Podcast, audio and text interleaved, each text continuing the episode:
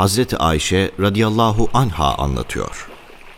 Peygamber sallallahu aleyhi ve sellem gece kalkar ve ayakları şişinceye kadar namaz kılardı. Bir seferinde, Ya Resulallah, niçin böyle yapıyorsun?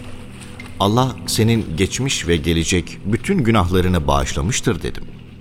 Peygamber sallallahu aleyhi ve sellem şöyle buyurdu. Ben şükreden bir kul olmayı isteyemez miyim?''